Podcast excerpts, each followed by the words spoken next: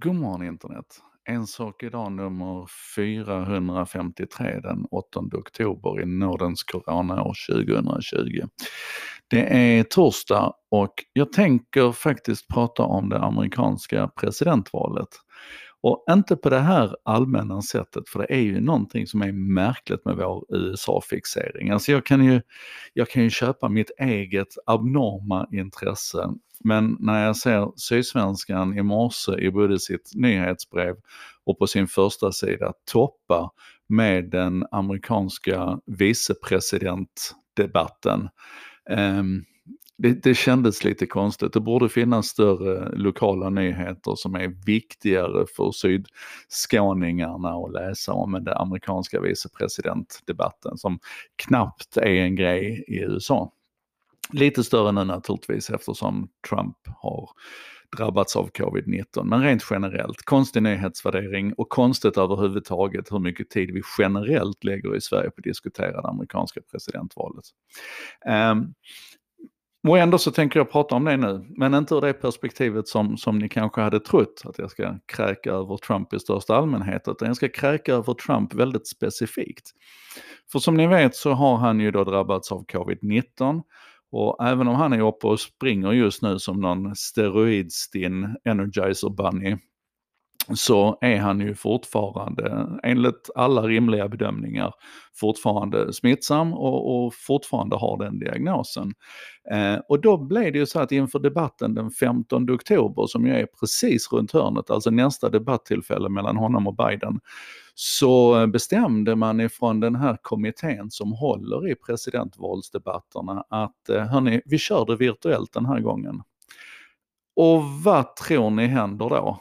Jo, då vägrar ju Trump naturligtvis. Alltså, han går ut och säger att vadå, virtuell debatt, sitta och debattera framför en dator, det är inte alls vad debatt handlar om och det är inte så det går till. Och, och allting tyder just nu på att han kommer att vägra den debatten för att han inte kan tänka sig att ens när han är covid-19 sjuk sitta och debattera framför en dator. Och det här, det här får mig att tänka lite grann på den debatten som vi har rätt mycket nu som handlar om hur det nya normala ska se ut. Alltså, jag kommer ihåg förra gången vi var grounded när Eyjafjallajökull, ni vet den här isländska vulkanen spydde ut aska så att det gick inte att flyga. Och helt plötsligt så fick alla vi, alla vi kringresande konsulter, vi fick sitta och jobba med med webbmöte och, och videomöten och sådär istället. Och vi flyttade över mer till textbaserat och vi jobbade i kollaborativa dokument. Och, och det var så mysigt sådär i tio dagar. Och, och hoppet vaknade någonstans att ja men nu kanske vi har lärt oss någonting och nu kanske vi har hittat ett nytt sätt att jobba på.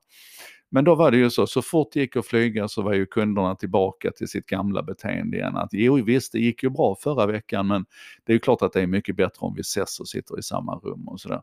Och nu handlar inte detta om en tävling mellan liksom det digitala mötet och det virtuella mötet. Att det handlar inte om att, att, liksom, att det inte finns områden där de, där de kompletterar varandra och inte är direkt ersatta och sådär. Men när jag hör den här gamle farbrorn då, Trump, vad är han, 74 år eller vad han nu är, och, och en, en världsledare 2020 så fullständigt avfärdar idén om att man ens i det mest nödvändiga av situationer skulle kunna flytta den här debatten och göra den virtuellt över, en, över ett videomöte istället. När han så totalt avfärdar det, då blir det väldigt uppenbart hur lång väg vi har kvar att vandra. Om det vill säga om vi ska låta sådana som Trump och andra 74-åriga bakåtsträvare styra och ställa och bestämma hur det här ska gå till.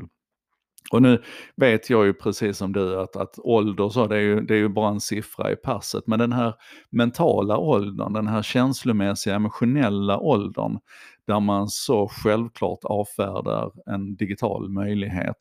Eh, jag vet inte, alltså det, det, det skaver ju något fruktansvärt. Så att det där behöver vi bara fundera på. Alltså hur, ett, hur mycket ska vi försöka knuffa de här människorna framför oss och försöka övertyga dem? Och hur mycket ska vi bara se till att, att knuffa dem ur vägen istället? Get out of the new ones if you can't lend your hand, because the times they are changing. Lite grann så kanske. Det här var en sak idag, nummer 453. En, en liten sen, försenad detalj. Eh, men ändå, det blir en en sak idag, idag också. Eh, vi ses imorgon, fredag. Sista en sak idag för veckan. Den blir spännande, det lovar jag.